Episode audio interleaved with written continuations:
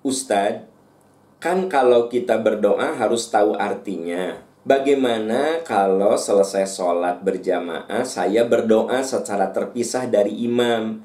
Karena imam baca doa yang panjang pakai bahasa Arab, sejujurnya saya tidak tahu artinya. Akhirnya saya memisahkan diri. Boleh tidak? Ya kalau selesai sholatnya boleh-boleh saja. Kan yang harus berjamaah itu saat sholat. Innama ju'ilal imamu liyutamma bihi idza kabbara fakabbiru wa idza raka'a farka'u. Seseorang itu dijadikan imam untuk diikuti Kalau dia takbir, kamu takbir Wa idha roka'a Kalau dia ruku farka'u Kamu sujud Wa idha sajada fasjudu Kalau dia sujud, kamu sujud. Berarti kita wajib taat kepada imam Dari mulai sholat Takbiratul ihram sampai dengan salam Nah selesai salam Berarti Anda sudah keluar dari jamaah Artinya anda bisa wirid sendiri ya. Bisa berdoa sendiri apalagi pertimbangannya imam tuh berdoa pakai bahasa Arab yang panjang, Anda sendiri tidak ngerti. Akhirnya Anda berdoa sendirian dengan doa yang Anda faham. Ya boleh-boleh saja. Silahkan. Karena memang saya sering kali berulang-ulang menyampaikan bahwa doa itu permintaan. Yang namanya permintaan tentu saja kita harus mengerti apa yang kita mintakan pada Allah.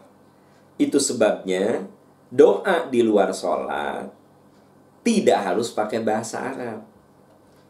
Ada orang yang berdoa pakai bahasa Arab, tapi dia tidak mengerti.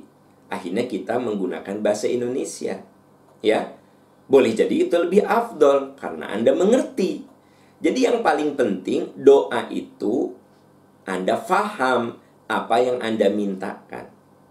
Kemudian berdoalah dengan suara yang lembut. Ud'u rabbakum tadarruan wa khufyah innahu la yuhibbul mu'tadin. Berdoalah kamu dengan suara yang lembut. Ya, dan rendah hati, jangan ngotot. Innahu la yuhibbul mu'tadin. Allah tidak menyukai orang-orang yang melewati batas. Oleh sebab itu, maka berdoalah dengan suara yang lembut, tidak perlu doa itu dikeluarkan suaranya sampai satu RW dengar doa kita wirid kita zikir kita ya kan? Begitu. Lalu mohonlah kepada Allah sesuai dengan yang kita perlukan dengan bahasa yang kita mengerti. Itu yang harus kita lakukan. Wallahu a'lam bissawab 无上